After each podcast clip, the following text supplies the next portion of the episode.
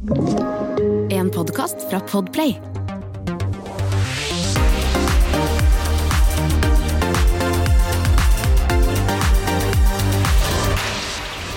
Velkommen eh, til Popkast.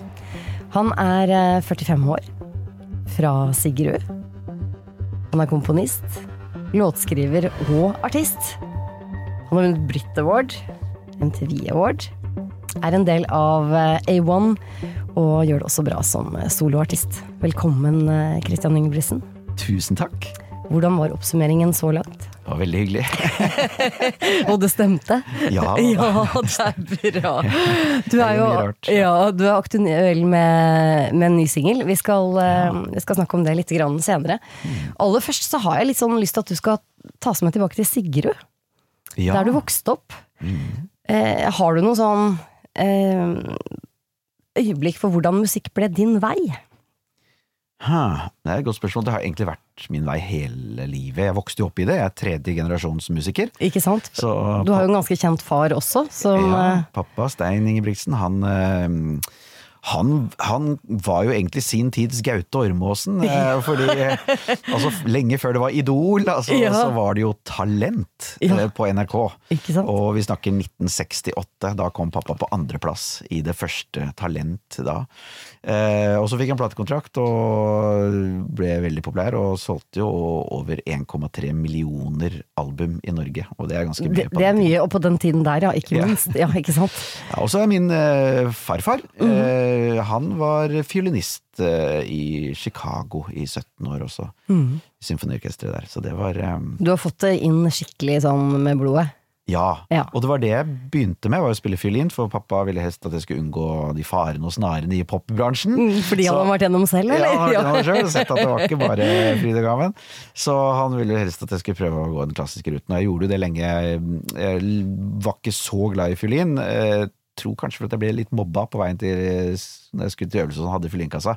Så fant jeg ut at hvis jeg kunne spille piano, kunne jeg bare gjemme notene i sekken. Ingen så Det var ingen som så det. ja, så da ble det klassisk piano, det var det jeg mm, holdt på med. Spilte og hadde konserter på, i kirker og gamlehjem og. Overalt. Ja. Eh, fram til eh, ja, jeg begynte på musikk, dans og drama da, i, i Ski, og da da fikk jeg liksom litt utløp for Eller egentlig det som skjedde, var at jeg var utvekslingsstudent i USA. Mm. Og da var det en, eh, en jente i, i koret som jeg sang i, som spurte om jeg kunne synge duett med henne på en sånn talentshow som de hadde på skolen. Eh, og jeg hadde egentlig aldri sunget noe Det var jeg sang i kor, da, men eh, da tenkte jeg at For jeg svarte ja, for jeg syntes hun var så fin. Så jeg tenkte, ja, må, måte, liksom, Du grep anledningen. ja, og, da, og da sang vi denne mm, duetten fra Phantom of the Opera på Talent Show der borte, og det var første gang jeg liksom fikk tilbakemelding på wow, jeg, kanskje jeg kan synge også. Det var litt av en start òg, da. Med den låta, Ja, tenker jeg på. ja. Ja. That's all I ask Ja. of you. Um, og eh, ja, jeg husker veldig godt det øyeblikket at jeg tenkte at all applausen var til henne, men så så fikk jeg så mye hyggelig tilbakemelding etterpå at eh, ja, jeg kom tilbake fra USA av mange grunner, med mer selvtillit enn jeg hadde her i Norge. For jeg var egentlig veldig Ja, opplevde en del mobbing og var egentlig litt sånn eh, sjenert. Og, og så kom jeg til USA hvor de liksom er er enda flinkere enn oss da, til å, eh, å bygge opp under og, og, og applaudere talent. Mm. Og når jeg spilte og sang og holdt på, så gjorde jeg jo masse rart og ble med etter hvert i High School Musical, og jeg var med i ja, flere talentkonkurranser og eh, var litt på lokal-TV og sånne ting, og reiste rundt. Og da fikk jeg møte eh, guvernøren da, av Kentucky, som eh, mente at jeg kom til å You're gonna be a fine ambassador for the state of Kentucky one day, son. og så fikk jeg da æresutmerkelsen Kentucky Colonel, Er det som jeg har en Det tittel som jeg fortsatt har i dag i dag. Og det var litt Har, du, har du noe sånn rammet inn et eller annet sted? Jeg har det Ja, faktisk ja. hjemme. Det er jo litt sånn artig, da. Å være en Kentucky Colonel. Uh, og da, da kom jeg hjem med mye mer selvtillit, og da jeg begynte å, å synge litt og skrive. Men jeg Ja, nå forteller jeg jo liksom hele historien her, men, Ja, men det eh, er kort absolutt fint. Så, da jeg kom inn på Lippa for å studere der, altså denne McCartney-skolen i Liverpool, så var det som pianist jeg kom inn. Mm. Men jeg hadde begynt å skrive låter. Og så fikk jeg jo ikke noen andre til å synge disse sangene mine, så jeg fant ut at jeg må lære meg å synge. Mm. Og da fikk jeg omsider mast meg til å bytte fra piano til sang som hovedinstrument. Så det var egentlig først da jeg begynte å, å synge, da. Jeg har skjønt at faren din syntes ikke det var noe særlig, egentlig. Han ville jo at du skulle liksom holde deg til den der klassiske delen av musikken. Ja, og i Ja. hvert fall da jeg sa jeg skulle slutte skolen for å prøve lykken med et boyband For det er nettopp det. Hva, ikke sant? For den er jo egentlig ganske interessant. For du, du dro jo da, sant, som du forteller, til, eh, til eh, England. Ja. Eh, studerte på, på Lipa.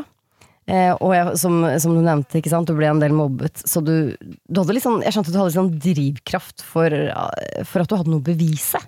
Ja, Når du kom klart jeg- tilbake. Det var liksom Ja, altså jeg, jeg ville ut i verden og bort herfra, Ja. og så skulle jeg vise dem at jeg at jeg, var, jeg, kunne, jeg kunne bli noe, jeg òg. Jeg vil jo si at det egentlig gikk ganske fint, da, Kristian.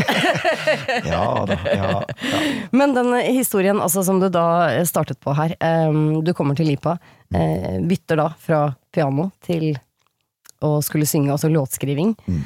Og så får du vel da et, eh, et tilbud eller et spørsmål som var litt interessant for deg? ja, ganske tidlig, egentlig. Jeg fikk eh, en e-post fra låtskriverlæreren min, Mark Pearman, som var eh, han var en veldig interessant fyr. Eh, han, han var med i Sisters of Mercy på 80-tallet. Ja, ja, ja. Liksom goth, goth-band. Ja. Eh, men han hadde da snappet opp at jeg hadde litt sånn pop-teft, da. Så han hadde anbefalt meg til et management som lette etter talenter til eh, ja, E-posten skrev If you wanna be in a boyband, this could be your big break. Og jeg snudde meg til eh, Og det var den gangen man ikke hadde egne PC-er. Jeg satt i PC-laben på skolen og snudde meg til sidemannen og spurte What's a boyband? det hadde faktisk helt ærlig sant? ingen anelse hva det Du var. det? Men han forklarte liksom ja, det er som, eh, det er som Backstreet Boys. Jeg bare, ja, og så hadde jeg hørt den der Quit Playing Games With My Heart, husker jeg, på radioen. Den syntes jeg var veldig fin. Mm. Ja. Tenkte, ja ja, men det kan jeg gjøre. Så jeg, jeg, bare, ja, og så sendte jeg en demo. Jeg hadde vunnet en konkurranse i ski. Til å få lov til å spille inn en demo eh, i, i, i regi av Ski kommune. Jeg var ute i Ås det spilte inn, da. Men eh, så sendte jeg den da ned til, til managementet, og så ble jeg invitert til å møte dem eh, der nede. For de hadde en, eh, en plan eller en idé om å lage det ultimate boybandet, hvor, Ja. eh, hvor istedenfor å hente inn eh, modeller og, og, og dansere som lærte seg å synge, så ville de Bruke heller begynne å kunne. ha musikere og låtskrivere som lærte seg å danse. Ja. Og det måtte vi. Ja. Hvordan var det? Ja, det var det. var ikke Jeg syns jo det var pes. Skikkelig pes å skulle lære å danse. Nå syns jeg det er kjempegøy, Ja. Nå som jeg ble voksen, men da var det så seriøst, liksom. Ja. De henta inn sånn ja, dansekoreografen til Prince og Christina Aguilera liksom fra LA, og med to assistenter, og vi holdt på Altså, det kosta jo vanvittig, jo. Ja, det kan jeg tenke meg. jeg husker et par år inn i eventyret, så, så, vi liksom, så vi begynte å skjønne at alt dette recoupable, hva det betydde. Mm. At det var egentlig vi som skulle betale for moroa. Til syvende og sist så var det Ja, dere og når vi da så på um, at vi Hva var det vi hadde brukt Altså, det var noe helt drøye summer. Altså, det var Jeg tror det var 30 000 pund i, i dansekoreograf, Ja, liksom. Som er en 300 000 cirka, sånn Ja, for, røftlig. ja, for de Ja. skulle fly over, ikke sant, og bo på hotell, og Ja. komme fra LA og med assistenter og De var sikkert ikke gratis akkurat de Nei, der og vi var jo ikke akkurat de beste danserne, så det tok litt tid dette her, da. Å få det til å se bra ut. Men uh, når jeg ser tilbake, så er det veldig gøy å ha gjort det, da. Ja, ja. Det var jo uh, Sitter det fortsatt, eller? Vi har noen rutiner, noen som vi bare for moro skyld fortsatt har med. Ja. Uh, og så og jeg, Det er jo ikke til å legge skjul på at det er jo noen høydepunkter i konserter fortsatt en dag i dag når vi spiller, og så bryter vi til en danserutine. Det har en entertainment-effekt Ja. som man ikke skal kimse av. Ja. Og det, det er sånn som de er veldig gode på i utlandet, som vi ikke er like gode på her i Norge, kanskje. Nei, ja, ikke sant? Og, men øh, veldig glad for erfaringen. Eh, jeg var veldig glad da vi For det som skjedde, var når vi så på disse regningene som vi betalte for dansekoreografer. Så, mm, så bestemte vi oss nei, det gidder vi ikke. Tenk deg så mange gitarer vi kunne kjøpt for det! liksom. Ja. Eh, og så fra det albumet med in og sånn, da, så, så bare spiller vi isteden. Og, og nå gjør vi en blanding. Vi, vi spiller mest, og så danser vi lite grann. Ja, ikke sant. Men de, dere debuterte jo da i 99, var det ikke noe sånt nå? Ja, Med Everytime og Ja, eller faktisk så Be the First to Believe, var det? Be the first to believe var den første. Ja. Eh, og det var en veldig sånn kynisk management eh, ga oss en idé om at eh, det var en sånn markedsføringskampanje. Vær den første til å tro på dette nye greiene her. Eh, så den tittelen var egentlig gitt oss, og så skrev vi den. Vi jobbet med en produsent som heter Peter Cunna, som Jeg vet ikke om det var noe stort i Norge. D-Ream. De hadde en sang som het Things Can Only Get Better, som var Ja, ja, mm. enorm i, i Storbritannia. Var det en Eh, cover av Howard Jones? Hva sa du? Var det en cover- coverlåt av Howard Jones? Ja, det kan ha vært, Ja, det husker jeg ikke. Ja, ja, men det, ja, det stemmer. Jeg husker den fra Mulig, ja, D-Ream. ja. The fun fact. Vi fikk, eh, fikk et brev en gang fra en fan som skulle bare advare oss om at noen hadde gjort en cover på låta vår. Er det sant? Uten å opplyse om det? ikke var den noe særlig bra heller. De het a-ha eller noe sånt. Det For de hadde jo tenkt jo at Take On Me var A1 sin. Ikke Og? Ja. det er veldig, veldig god historie. Har du fortalt dette til de noen gang? Jeg har ikke fortalt det til dem, tror jeg. Men, eh, en annen fun fact er at Peter Cunna han, eh, i D-Ream var jo i bandet med professor Brian Cox, for de som følger eh, fysikk og teoretisk fysikk. Så han har et BBC-program som heter Wonders of the Universe. Og, etter, etter D-Ream så begynte han å studere teoretisk fysikk, og ble professor i det. Da. Det syns jeg er, Det er kjempegøy. Utrolig gøy. Men det var en soundtrack. Uh, Be the First to Believe kom først, eh, Summertime Our Lives, og så Kom On Me? Ehm, kom Everytime, som ble den Ja. første hiten her i Norge. Ja. Og uh, selv om de to første var topp ti hits i England, Mm. eh, så var det som Everytime som, som tok oss ut. Og det var litt gøy, for den hadde vi skrevet helt selv. Ja. Og, og, og, og beviste for managementet en gang for alle at vi kan gjøre dette. Vi trenger egentlig ikke liksom, å bookes inn med disse låtskriverne. Produsentene. Det, det var jo fint å jobbe med disse produsentene, da.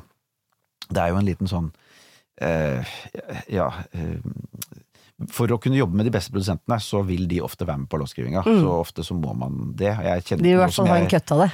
ja, nå som jeg sitter i produsentstolen sjøl mange ganger, så det er ikke så gøy å produsere låt du ikke har fått vært med på Nei. å få en liten kutt av.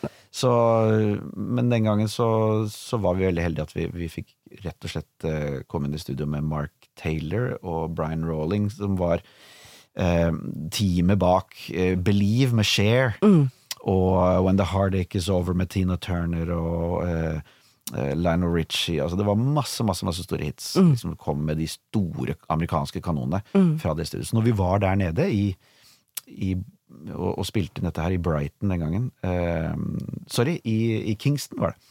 Så, så, eh, så møtte vi alle disse i De var jo rundt i gangene og på kjøkkenet, og Lionel Richie og Tina Turner og alle. Så det var, det var enormt moro og, og lærerikt. Ja, det kan jeg godt tenke meg. Men da var vi i gang, da. Da var dere i gang. Ja. Og så kom jo da eh, Da gjorde dere jo da den Take On Me som a-ha har stjålet av dere i etterkant. Ja, ja, det var da etter For vi, ja, så vi hadde enda en singel som het Like a Rose fra første albumet, som også var topp ti eh, i, i England. Og vi, vi hadde liksom da hatt fire topp ti-hits. Eh, egentlig fem, hvis vi teller med Ready or Not, som var en sånn dobbel A-side, som også ble en hit. Eh, og så ville Så mangla vi den nummer én-hiten. Ja. Og da var det plateselskapet var, Nei, dere må gjøre en cover. ja. Og da kom managementet med spørsmålet er det noen, eh, er det noen norske band eller artister som vi kunne gjort et cover på. Ja, hva med a-ha? Jeg bare nei, nei, nei, den kan vi ikke røre. For Ja, for jeg tenkte, Det er annerledes sikkert for deg enn for de andre i bandet. ja, jeg tenkte da kan jeg aldri dra hjem igjen hvis, vi rører den. ja. så det turte jeg ikke. Norges nasjonalskatt, liksom. Ja. Altså, vi lette lenge etter mye annet. Vi var innom eh, Abracadabra, vi var innom mange som vi liksom forsøkte oss på.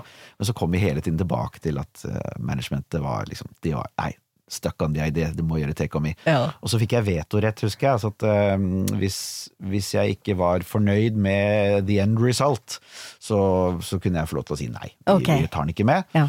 Og jeg sendte faktisk, dette var jo før digitale tiden også, ja. tapen teipen fem ganger tilbake fra Australia. Ja.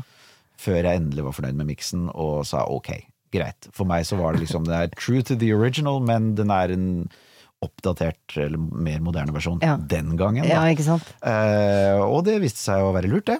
For Det gikk ganske fint. det ble vår første nummer Ja, én-hit i. Storbritannia Ja. og store deler av verden. Mm. Og den, jeg har vel lest også at den nesten gjorde det bedre enn originalen. Så, Ja, for det fun fact igjen da, er jo at a-ha sin versjon av Take On Me kom jo bare på andreplass. den har aldri vært nummer én i England. Nei, men det, gjorde vi! Ja. Så det, der slo du de. Mm. Men da var dere på en måte inne i en sånn eh, veldig god stim, vil jeg si. Og jeg tenkte vi skulle ha et lite gjenhør med en av låtene som kom eh, etter det.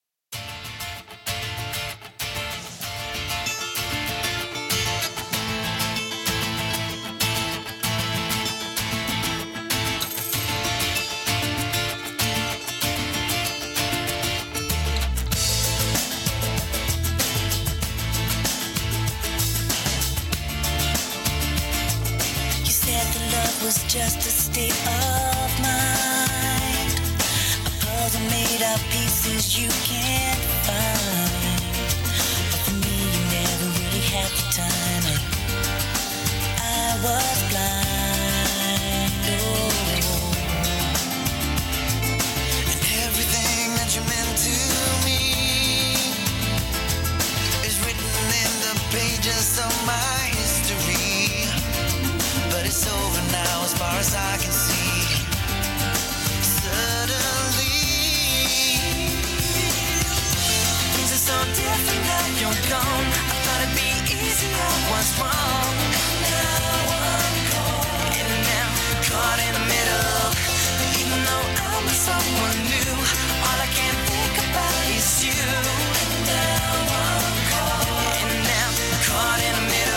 dette er en av mine personlige favoritter da, Christian. Det er hyggelig at du syns. Caught in the middle. Den her gikk jo eh, ganske bra, den her òg, da. Ja, og den hadde faktisk vært nummer én på hitlistene ifølge salgstall. 51 av 52 uker det året. Ja, ikke sant. Men akkurat den uken vi slapp eh, singelen, så, så Så var det Det var eh, rundt 11. september. Oh, ja. Og så slapp eh, Enrique Iglesias denne Hero, Ja. I Can Be Your Hero, som Ja. ble på mange måter en sånn forbundet med heltene, Ja. brannmenn og alt det der. Så, Ja. så den eh, gikk til nummer én, og så ble det nummer to med Caught in the Middle. Men det er jo den låten som vi kanskje blir mest husket for i dag, da. Så jeg er veldig glad for at vi, vi gjorde den. Ja. For den jeg lik, det jeg liker med den, er den har liksom den der kombinasjonen med å være litt sånn singer-songwriter-låt, samtidig som det er en boyband-låt. Veldig fin kombinasjon. Ja, her hadde vi da endelig eh, sluttet å danse, og eh, ja, Det hører man jo, at Ja, dette er mer gitarbasert og ja. Altså her hadde vi, I mellomtiden så hadde vi også hatt Same Old Brand New You, som var sånn veldig produsert eh, i tiden, litt sånn NSYNC-inspirert. Og så Um, så fikk vi da endelig lov til å, å liksom gjøre vår egen greie, og etter to album og flere nummer én-hiter og sånn, så fikk vi mer kontroll, da, så vi fikk lov til å bestemme. Og da jobbet vi i studio sammen med Mike Hedges, som er eh, Han gjort U2, Manic Street Preachers all det, og så han, han hadde liksom ikke Eller han eh, ja, han hadde ikke liksom jobbet med boyband før. Eh, og, og det ble en interessant kombo, for han tok oss seriøst på, på en helt annen måte enn eh, enn mange av de andre produsentene som hadde liksom jobbet med Spice Girls og Five og alle disse andre. Altså, det hendte jo at vi kom i studio hvor liksom en, en låt var nesten ferdig. Ja, her kan dere bare skrive vers, eller teksten på andre verset, så er dere med og får dere 50 av den låta. Og vi ble jo fornærma og bare Ja, ikke ikke være med på den låta i det hele tatt. Men eh, her var det helt omvendt. Altså, musikere, nei, dere skal jo spille alt selv. Så vi, til nød fikk vi hyre inn en trommis, da. Så vi, vi, ingen av oss spiller trommer egentlig Nei. veldig bra. Eller vi kan litt, men det er ikke noe ja, Jeg ville ikke gjort det på plate. Eh, så her er det faktisk eh, Jeg spiller alle gitarer og bass, og Mark spiller alle keyboards, og eh, eh, det var altså en, en, en utrolig spennende prosess for oss, for jeg fikk lov til å sitte da i månedsvis. Dette var igjen Vi brukte, vi hadde innspillingsbudsjett på 300 000 pund på det albumet. som dere måtte betale etterpå. Ja, ja. Så, øh, som jeg fortsatt ikke er helt sikker på om vi har betalt tilbake. Men øh, vi øh, det, var, det var akkurat Cotton Middle husker jeg veldig godt, for det ble et sånt det, Den skulle egentlig ikke være med på albumet. Den var, den var, det var så vidt den kom med i de, de låtene som skulle spilles inn Ja. til det albumet. Men så skjedde det et eller annet litt spennende som har lært meg mye som produsent i, i, i den prosessen, som gjorde at det, den, den på en måte rose to the top. Og, og, og en, eh, en liten hemmelighet er jo at den ble jo skrevet som en rip-off av Torn. Oi, Du husker det? Trine Ja, Rein ja, jeg sin, husker den eh, veldig ja. godt. Ja. Så, så gitarriffet var jo egentlig ja. og, og, Men når vi skulle spille den, så tenkte jeg jeg kan ikke spille dette Fordi da skjønner alle at dette her er jo tårn. Ja. Så, jeg, eh, så de bare ja, men så finn på noe annet, da. Og så, og så husket jeg tilbake litt sånn i, i Jeg husker jeg tenkte på klassisk eh, bakgrunnen min. da, at I klassisk musikk så er det ofte at man speilvender temaer. Og jeg tenkte at ja, hva i hodet mitt hvis jeg bare sånn, ikke perfekt, da, men jeg, sånn veldig raskt i hodet mitt skulle prøve å speilvende det, så ble det daka, daka, daka, daka, daka. Ja, ikke sant. Og så spilte jeg inn dette, og eh, jeg lærte så mye av Mike Hedges. Dette var jo fantastisk. Vi spilte inn da på miksepulten som Dark Side of the Moon Ja, er, var spilt inn på. det er jo legendarisk. Eh, Det var liksom, Og alt skulle gjennom alle disse fantastiske Fairchild-kompressorer og inn på 24-spors båndopptaker, og så inn i Pro Tools. Bare for å få støyen av Ja, disse, ikke sant. ikke sant, og lyden. Eh, og jeg spilte, jeg spilte det riffet i hvert fall tre timer før vi begynte å ta opp. Oh, ja. For han skulle sette inn lyden. Det var liksom, det, lyden var alt. Så han liksom styrte Han var inne i sånn der gitaramp-rom og, og styrte og styrte og styrte lyd. Helt til han var endelig fornøyd etter tre timer. Ja, nå kan vi ta opp. Og da gikk han, så var det en sånn T-gutt som spilte inn det jeg faktisk spilte. Det var ikke noe venstrehåndsarbeid der i gården. Nei, Og så var det en veldig overraskelse for meg at jeg skulle spille bass, for det hadde jeg egentlig aldri gjort. Så eh, jeg fikk en bass i fanget og ble dyttet inn i et rom med en amp som var høyere enn meg, og, og måtte egentlig bare tenke som Ja, og det var her litt av, litt av det som skjedde som jeg syns er litt fascinerende, var at eh, i og med at jeg ikke er bassist, så, så tenkte jo jeg tenkte litt feil. Jeg tenkte jo prøvde å finne melodilinjer i hodet mitt. Så jeg liksom tenkte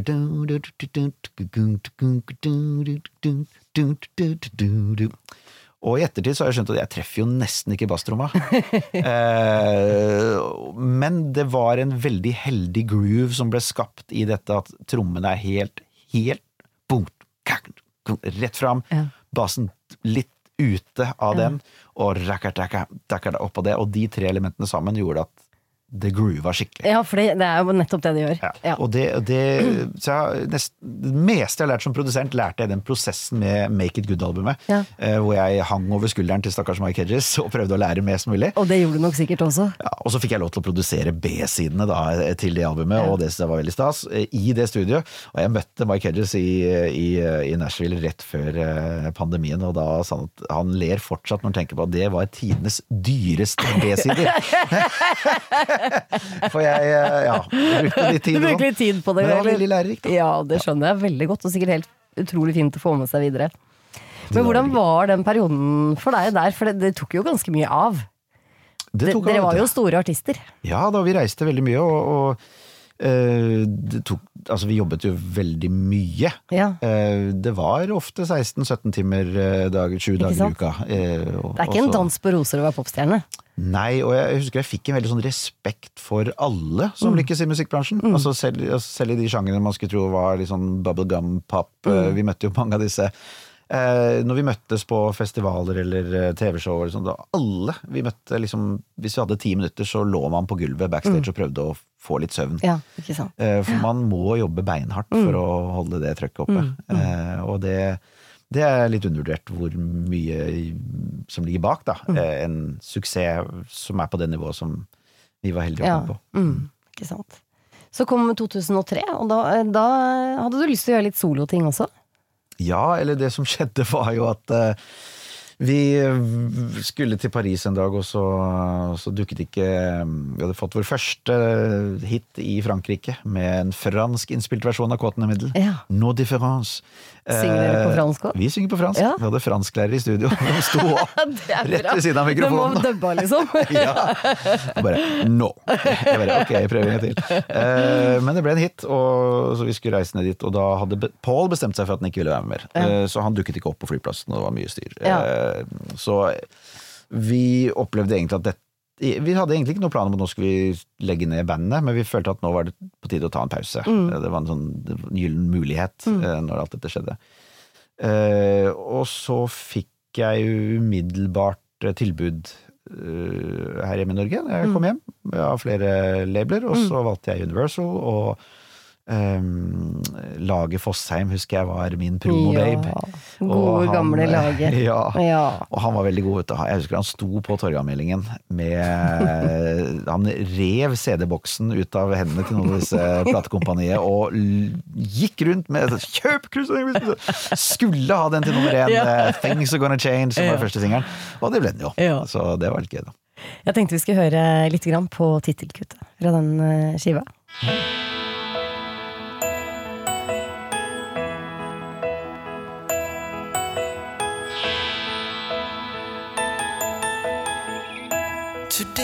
Is just another day, but it's lost without you here with me. Time's become my enemy. That's the price I have to pay for fighting with my sanity. I know there's no apology, but I'm here for you. I still care for you. I swear to you, I never meant to hurt you. How can I ever really make it up to you? Please don't tell me it's too late. I wish I could say I'm sorry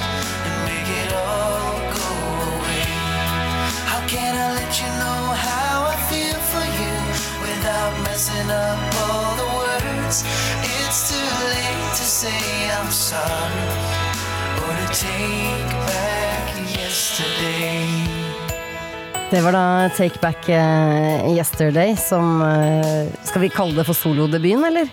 Ja, og det er jo den låten folk husker fra det albumet. Ja, jo, altså jeg husker den andre også, men jeg syns denne er så fin, så jeg fikk velge selv, og da valgte jeg den. Takk. Ja. Men hvordan var det liksom å gå fra dette å være i et eh, såpass stort eh, populært band, eh, og ha, liksom ha, ha det samholdet med bandet og det å skulle være soloartist plutselig? Hvordan var den Altså det er jo todelt, for det, man skjønner jo plutselig hvor godt det er å kunne dele alle opplevelser, både de gode og de vanskelige, med noen. Eh, og så eh, er det også litt deilig å få utløp for de låtene som kanskje ikke passet helt inn i A1-formatet. Eh, og, og så er det en utfordring med det når man kommer fra et boyband, at det er veldig mye fordommer som går rundt. Og så ble jeg møtt med eh, Ja, det var ikke like lett å, fra å være en selvskreven gjest på eh, Graham Norton Show, så plutselig måtte man uh, stå med lua i hånda og Ja, spørre om å få lov til å skrape på komme dørene? på frokost-TV.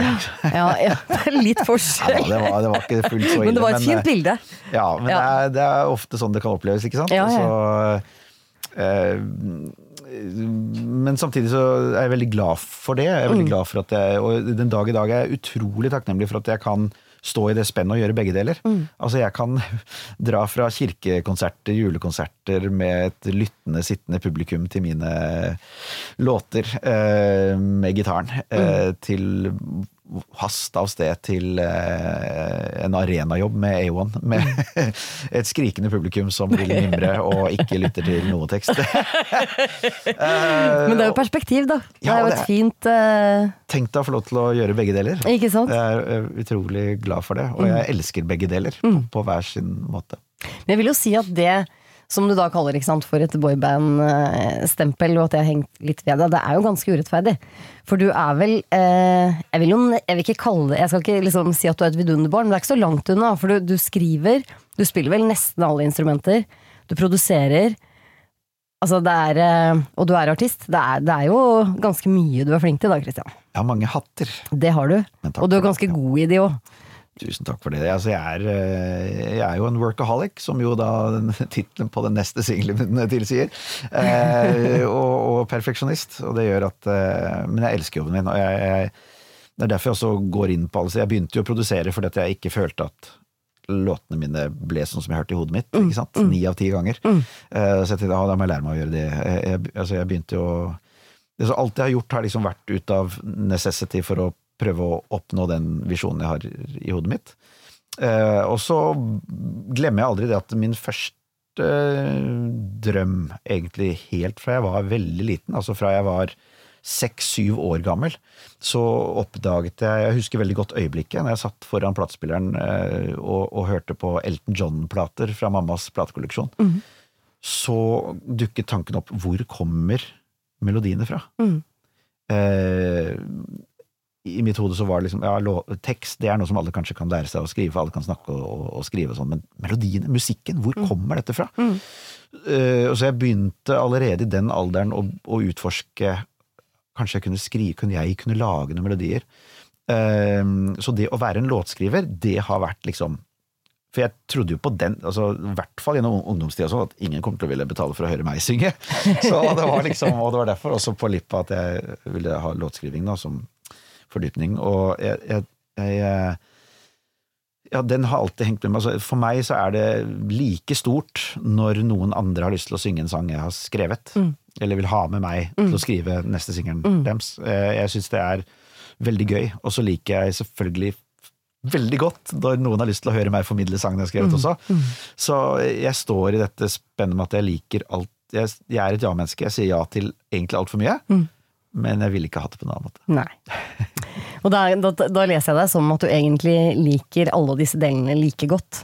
Det er, det er ikke noe- det er ikke én del du foretrekker mer enn den andre. Det er liksom sam, sammensetningen av de delene. Ja, altså Produsentdelen er nok det jeg opplever mest som en chore. altså eh, jeg- leste et intervju med George Lucas en gang som sa det at eh, når han lagde Star Wars, og det å skrive manuset, det var liksom hans chore som han gjorde av, av necessity. Og sånn er det for meg med produksjonen. Ja, og jeg sant? gjør det av necessity fordi at jeg, jeg skal få det ut sånn som jeg hører det i hodet mitt.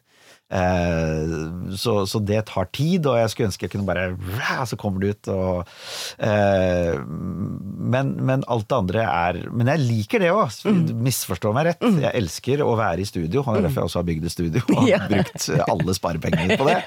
Eh, og det er en hobby. Husk at du skal og- betale tilbake litt etterpå også. ja. ja, altså jeg tror det meste jeg har tjent opp igjennom har, har gått til å bygge opp studio med utstyr og gitarer og instrumenter.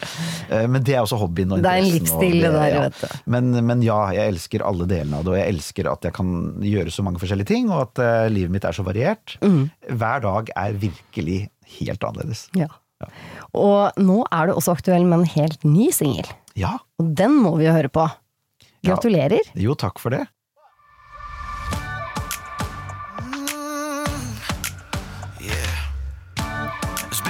Since I've seen my friends. That's just how it is. Cause I don't have time for that, got no time for that. It's been a while since I've had a break. That's okay. Cause I don't have time for that, got no time for that. If I'm gonna make history, make them remember me, then I gotta chase my dreams.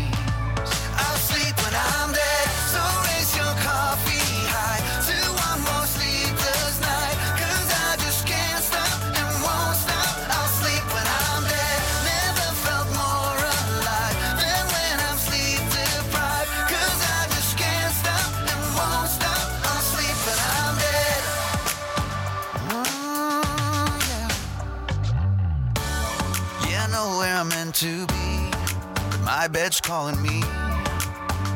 I don't have time for that. Who has time for that? Fear of missing out never rests, but I'm not stressed. No, I don't have time for that. Got no time for that. If I'm gonna make history. Dette er jo noe av det du har snakket om eh, den siste halvtimen, eh, Christian. 'Sleep When I'm Dead'. Så det måtte jo selvfølgelig bli den tittelen på den låta her. Ja, teksten er jo litt selvironisk. Altså, jeg Ja, tiden strekker aldri til til alt jeg skulle gjort, og i hvert fall ikke til å sove, så det får jeg gjøre seinere. Eh, og så er den jo også på mange måter eh, litt samfunnskritisk i forhold til å prøve å kommentere tidspresset og det prestasjonspresset som vi lever under i Mm, vår tid. Eh, så så det, det er liksom ment som litt sånn ironisk, men så er det også sad but true. I mitt tilfelle, ja. At jeg eh, jobber litt for mye. Jeg jobber Ja. litt for mye. Dette er jo litt sånn tilbake til Vi, vi, snakket om det her i stad, eh, når folk ikke hørte på, skal jeg til å si. At uh, dette er jo litt sånn tilbake til A1-soundet. Ja, og det, jeg syns det er litt spennende. Og jeg jobbet da med David Tulin eh, borte i Nashville, som er egentlig veldig popprodusent. Og han, eh, han produserer blant annet eh, albumet til han eh, nevøen til Michael Jackson, TJ Jackson og sånne ting. Og jeg hadde egentlig litt lyst til å Jeg har funnet ut av necessity på konsertene mine at jeg, skriver litt for mye rolige låter. Jeg trenger et album som er for føttene, rett Ja. og slett, som man vil danse til, Ja. og som er litt oppesen. Um, og, og, og, og da syns jeg det er litt gøy å prøve å jobbe med David, og, og det kom bare låt etter låt etter låt ut, og nå skal jeg tilbake da til Nashville om et par dager og gjøre ferdig dette albumet, som eh, stort sett er For the Feet, som George Michael kalte eh, et av albumene sine. Jeg, jeg ehm, elsker det, og, at, og, og da at det er tilbake til røttene litt. Grann. Det Ja. er renspikka pop. Ja, ikke? I litt mer moderne drakt, da, selvfølgelig enn A1 var den gangen. Ja. Men uh, jeg elsker jo det også. Jeg, jeg kan ikke Jeg har kanskje brukt litt for mye av min solokarriere til å prøve å bevise noe, har jeg tenkt for meg selv, da, i forhold til at eh, Ja, som du sa tidligere, at jeg, jeg er jo en musiker, og jeg er en låtskriver og produsent, og liksom prøvde å være litt for seriøs og, og sånn. Og så må jeg ikke glemme det at jeg har alltid likt pop. Altså, jeg Det fins jo ikke noe bedre enn en god poplåt. et av mine største øyeblikk det. eh, i oppveksten var når jeg var på Valle Hovin og så Michael Jackson etter hit etter hit Ja, ja. etter hit. etter hit Ta på seg jetpacken og fly ut av stadion. Er ikke noe mer jeg, jeg bare, den, den dagen jeg så Da ble jeg liksom Før det så hadde jeg vært veldig Bruce Springsteen og rock og Jeff Buckley. Og sånn. Ja, ja. Men det åpnet seg, og jeg, jeg har egentlig alltid vært veldig glad i popmusikk. Mm. Michael Jackson, Lionel Richie, Whitney Houston altså den, ja, Spesielt den gode, rene melodien. Da er vi enige. Ja, og, Ja. Og, og, og, det er det dette albumet skal være. Ja. Rett og slett eh, Får vi noen liksom, litt sånn sviskeballader òg, eller? Det er noen ballader. Eh, MGP-sangen min må jo være med. 'Wonder of Den, the World'. med, men den er jo så fin, Christian. Den er jo Tusen kjempefin. Jeg husker når du satt deg på scenen der, for dette så jeg. Da var det litt sånn ja ja, ok. Det er jo klasseforskjell på ting. Oh, takk for det. Takk for det. Eh, ja, det er bra at eh, rutine og eh, erfaring kan spille, ha noe med spill å gjøre. Men eh, ja, den jeg også lagd en remix av, som er veldig kul. Som også David Tulin har, har lagd remix. Det er fantastisk morsomt. Så den, egentlig så tenkte jeg på hvorfor leverte jeg ikke bare den som opptempolåt, for det kanskje hadde gjort enda bedre. Men eh, ja, albumet har den, og så er det en annen ballade også som jeg har skrevet, som heter Hurt People, Hurt People. Som eh, er- liksom representerer litt den seriøse siden av meg. Men eh, resten av albumet skal stort sett være en glad popfest.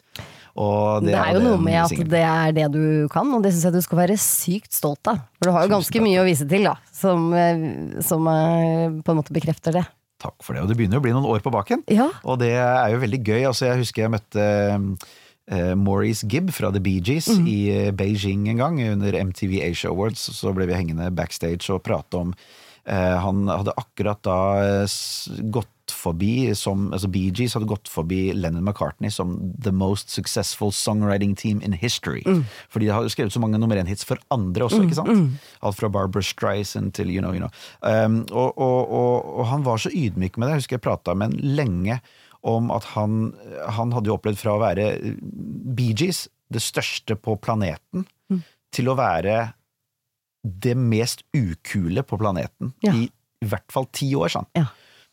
Altså, de var, altså det, var så vondt for han, og han var veldig ærlig om det. At det, det, ti år med bare nesten gjort narr av alt det som var så fantastisk og så stort, til at nå plutselig begynte han da å få recognition igjen, og da fått en uh, award for Most Successful Songwriting Team in History. Han var så takknemlig, han skulle da få Lifetime Achievement Award på MTV Asia Awards den dagen. Og jeg husker at det gjorde inntrykk på meg, og på mange måter så, så opp, har jeg opplevd, uten sammenligning for øvrig, eh, noe, av det, no, noe av dette. At eh, fra å være liksom nummer én rundt hele verden og, og, og, og vinne Brit Awards og alt dette, til å blitt litt gjort narr av. Og, og liksom eh, Det teller liksom ikke, for det var et boyband eh, i, i mange år. Så har det begynt nå, bare, kanskje fordi at det har gått 20 år, at man bare har vært der lenge nok Ja. til at man får litt respekt.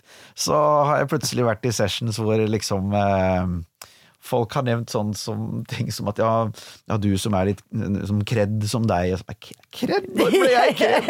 Eh, og at man plutselig får litt grann recognition da, for Ja. eh, den karrieren man har hatt. Det er søren meg på tide, for å si det sånn.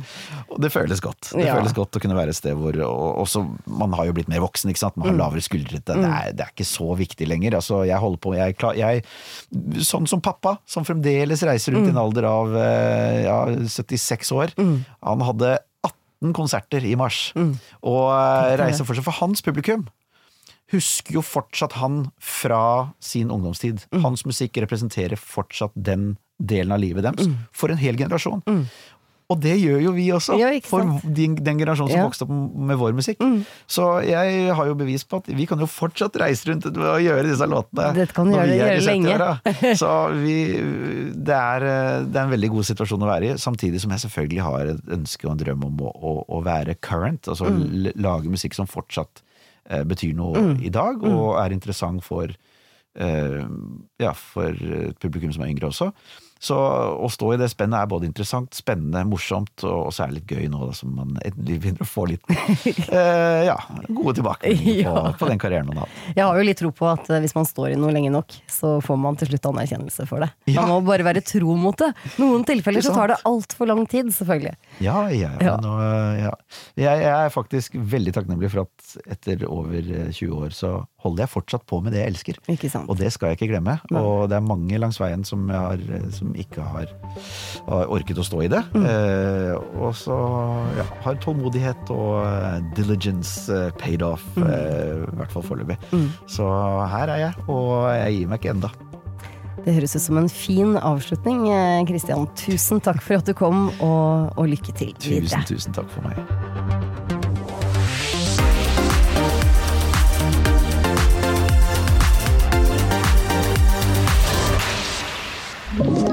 Du har hørt en podkast fra Podplay. En enklere måte å høre podkast på. Last ned appen Podplay, eller se podplay.no.